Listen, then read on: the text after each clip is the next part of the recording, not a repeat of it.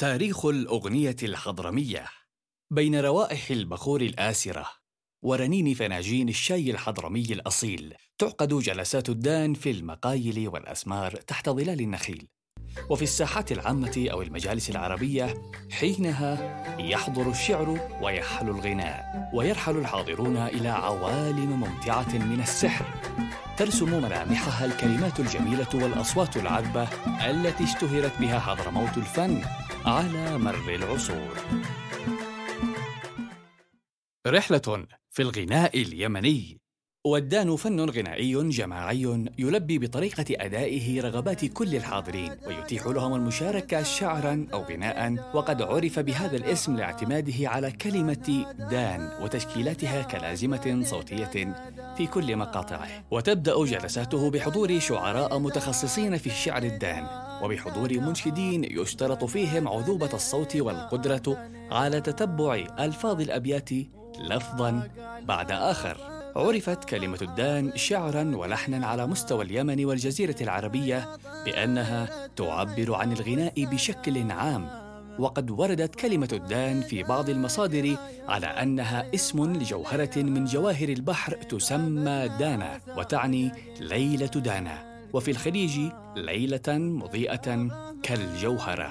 سلامي وتحيا ذناها تعتبر الموسيقى الحضرمية واحدة من أشهر أنواع الموسيقى العربية، حيث تعتمد في مقاماتها على أسلوب فني تطور على مر الزمن، يستخدمها أكثر الملحنين والعازفين في الجزيرة العربية، وتعني الغناء الكامل باللهجة الحضرمية والإيقاع، بالإضافة إلى الألحان والدندنات.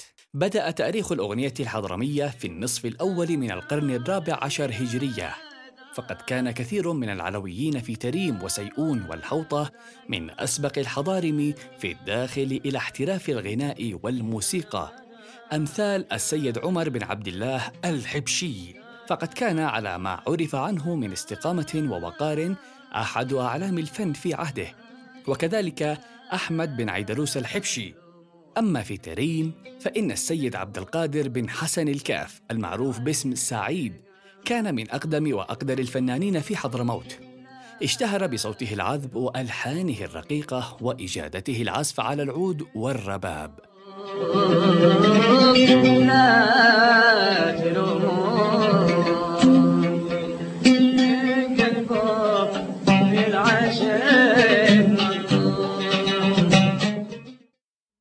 وترجع كثير من المصادر تأريخ ظهور الدان في حضرموت إلى القرن العاشر الميلادي ويستشهدون على ذلك بأبيات عامية للشاعر عمر عبد الله بامخرمة أشار فيها إلى جلسات الدان وأكثر فيها من مفردة الدان تحديداً ومشتقاتها. والدان كلمة مأخوذة من الدندنة وهو أن السامع للرجل الذي يدندن نغما أو صوتا قد لا يفهم ما يقول. شلها يا طير التحية والسلام. تتنوع جلسات الدان بتنوع مناطق حضرموت. فهناك مثلا الدان الشواني. ودان الريض وهو ذو المقاطع الغنائية الطويلة.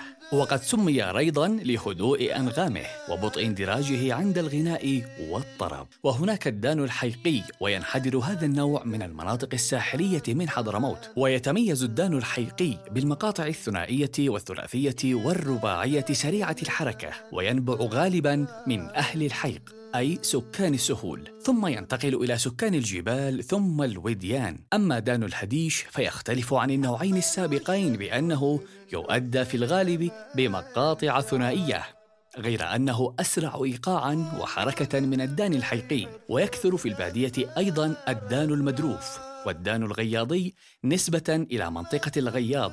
وأكثر هذه الأنواع حضورا اليوم هو دان الشواني ودان المدروف ولك يدار حق اليار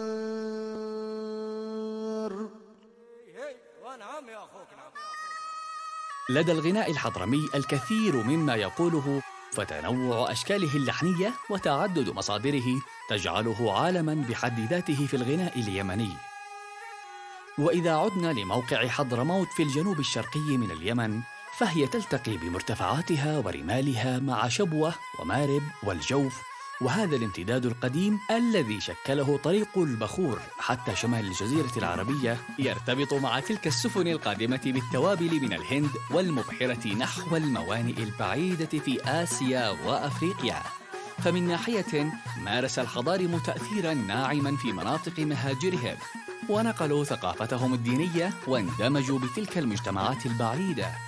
ومن ناحية أخرى تلاقحت مصادر موسيقية ورقصات هندية وإفريقية مع نسيج غنائي يمني وحضرمي قديم.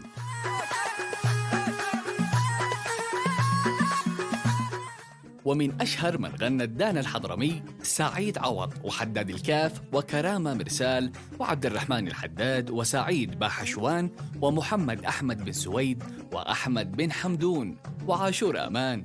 ولكن يبقى الفنان اليمني الراحل أبو بكر سالم بالفقيه من أبرز رواد فن الدان الحضرمي والذي أخرجه من المحلية إلى العالمية بأسلوبها الحديث. ومن أشهر أغانيه يا زارعين العنب ونار بعدك ويا رسولي أسلم ولو حتى بكف الإشارة وغيرها من الأغاني.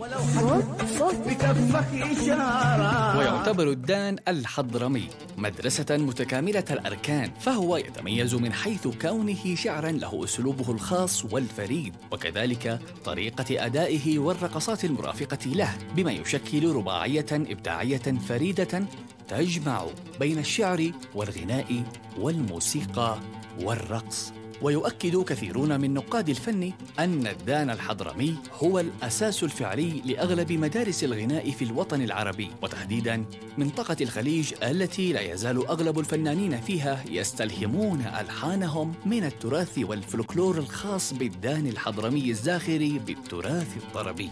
ومن أبرز العوامل التي ساهمت في انتشار الدان الحضرمي أيضا اللهجة الحضرمية الكلمة والتي تقترب في نطقها نوعا ما من لهجة أهل الخليج وكذلك تنوع مقاماته الموسيقية وإيقاعاته وسرعتها مما أضفى عليها استحسانا لدى عشاق. يا ناسين الحبايب ليه القسوة.